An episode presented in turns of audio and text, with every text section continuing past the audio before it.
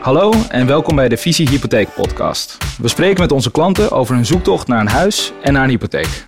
Mijn naam is Mike en ik ben hypotheekadviseur bij Visie. Vandaag ga ik praten met Mark Peter, die drie jaar geleden een klushuis heeft gekocht met hulp van mijn Visie-collega's.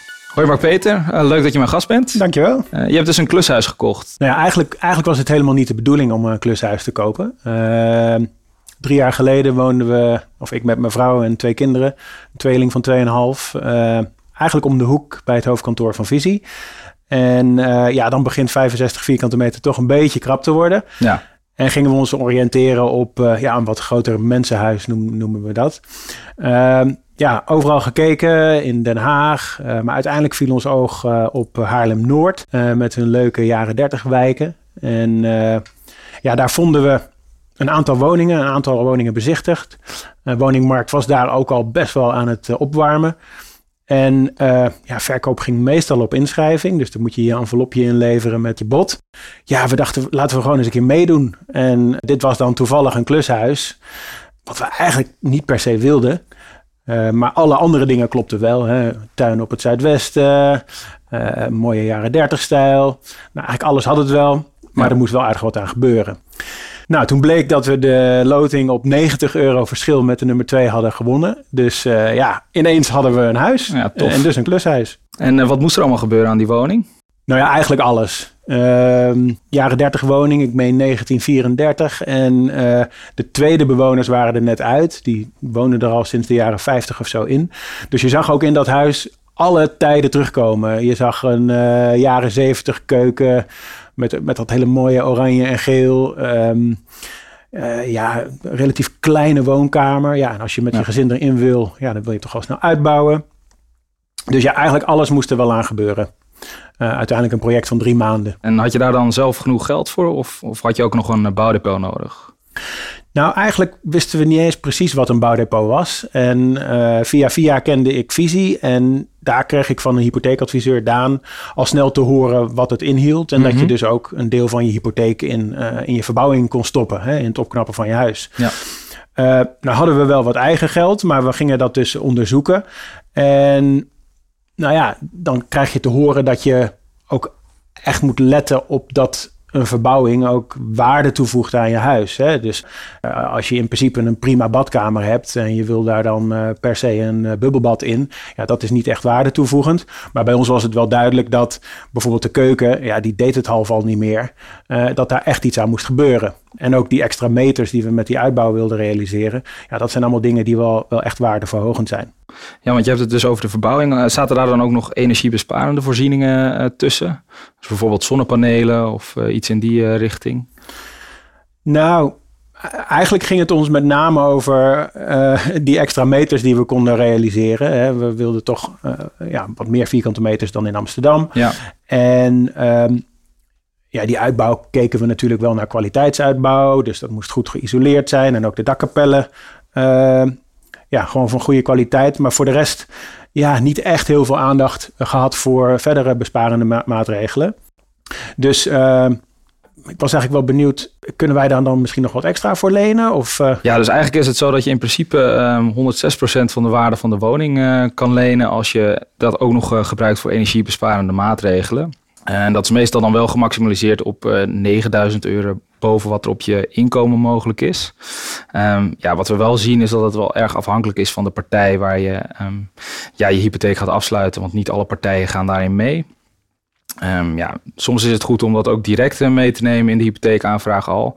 Maar ja, zoals jij aangeeft, van, nou, ik wilde eerst echt focussen op die meters. Ja, dan kan je natuurlijk ook uh, ja, later daar nog naar gaan kijken om, om dat eventueel bij te lenen. Ja, dat klopt ook. Op een gegeven moment heb je dan eerst je focus echt op die, op die meters. En nu zie ik mijn energierekening en die is met een groter huis natuurlijk ook veel groter en hoger dan uh, in Amsterdam. En daar helpt het natuurlijk ook voor. Precies. Um, hoe is uiteindelijk die, uh, ja, die aanvraag van dat bouwdepot uh, verlopen? Ja, het leuke is altijd dat je, en daar is je echt wel geholpen, dat je heel snel heel veel kennis moet krijgen van zo'n proces. Je staat natuurlijk ook onder druk bij zo'n aankoop. Het moet allemaal vrij snel geregeld worden. En zeker als het gaat om een verbouwing, waar we al helemaal geen specialist in waren. Uh, ja, dus was het uh, kwestie van snel een paar aannemers uh, in het huis te laten. Uh, de wensen te vertellen. En dan komen zij met een globale begroting. En uiteindelijk ehm, gaat dat voorstel, of de verbouwspecificatie noem je dat geloof ik, uh, gaat naar de taxateur. En de taxateur is dan een, een, een derde partij die uh, een taxatierapport opmaakt.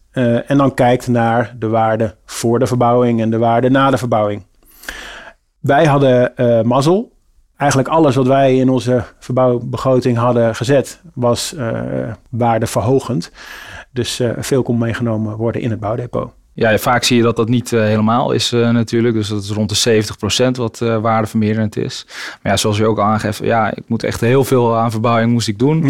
Ja, ja dan zie je dat het vaak wel echt één op één waardevermeerderend ook kan zijn. Want ja, uiteindelijk ga je natuurlijk verbouwen. hoe is het dan tijdens die verbouwing zelf gegaan met dat bouwdepot? Um, ja, uiteindelijk is bouwdepot onderdeel van je hypotheek. Uh, tenminste, zo, zo begrijp ik dat. En uh, je krijgt een soort van extra rekening uh, waar geld wordt klaargezet hè, door, je, door je, degene waarvan je de hypotheek krijgt. En, en het was eigenlijk heel simpel. Wij konden gewoon foto's maken van onze facturen. Ehm, en die konden we uploaden in onze eigen omgeving. Nou, en als het dan gaat om de grote facturen van de aannemer, ja, dat gaat echt, nou ja, over enkele tienduizenden euro's misschien. Ja, Precies. die hebben meestal een betaaltermijn van 14 dagen. Nou, dan kun je snel een foto uploaden. En dan, uh, ja, onze ervaring was dat binnen een enkele dagen stond dat bedrag al op de rekening. En kon je gewoon binnen de betaaltermijn uh, ook de aannemer betalen. Maar goed, aan de andere kant, de wat kleinere bonnetjes, bijvoorbeeld bij de Gamma, als je bouwmaterialen moest kopen of verf, of ik weet het ook niet precies, hè, wat binnen dat bouwdepot paste. Ja, dat schiet je dan nog even voor, maar dan gaat het misschien om 100 euro en dan, uh, ja, dat lukt dan nog wel. Maar ook dat staat binnen enkele dagen gewoon op je rekening. Ja. Um, heb je nu nog tips of tricks voor uh, andere mensen die ook uh, ja, aan zo'n verbouwing zouden willen beginnen? Ja, kijk, de eerste keer is sowieso spannend natuurlijk. En, en dan kan ik alleen maar zeggen, ja, laat je gewoon goed adviseren. Voor ons was Visie een hele goede partij. En um, we hebben ook op aanbeveling een aannemer gekregen. En ja, door Visie werden we ook goed geïnformeerd over. Hè, het is een project van drie maanden. Uh, wil je dan al in het huis of niet in het huis? Nou, voor ons was dat geen optie. Met kinderen ga je niet in een huis dat uh, verbouwd wordt. Nee, precies. En uh, nou, dan heb je wel te maken met dubbele lasten bijvoorbeeld. Dus ja, daar moet je wel allemaal meenemen. Ja. Dat is misschien iets wat je niet direct rekening mee houdt. als ik een tip mag geven. Ik, ik was toen freelancer en kon mijn tijd zelf een beetje plannen. En heb het toen zo gepland dat ik iedere week in ieder geval een dag aanwezig kon zijn op de bouw dat is heel belangrijk als je heel erg mee wilt doen in uh, beslissingen en hoe dingen moeten. Ja. En sowieso de, de hele ervaring is natuurlijk gaaf. En ook als je zelf met een, uh, met een sloophamer de muren kan doorbreken. Ja, dat is natuurlijk fantastisch. Want dan ben je gewoon onderdeel van het team. En dan zit je lekker te schaften om 12 uur. En uh, ja, dat was gewoon een hele leuke, hele leuke ervaring. Nou, Mark Peter, bedankt voor het delen van je verhaal. Graag gedaan. We zijn ook benieuwd waar jij als luisteraar meer over zou willen weten. Heb je vragen of suggesties? Mail deze dan naar podcast.visie.nl. Dan gaan wij ermee aan de slag.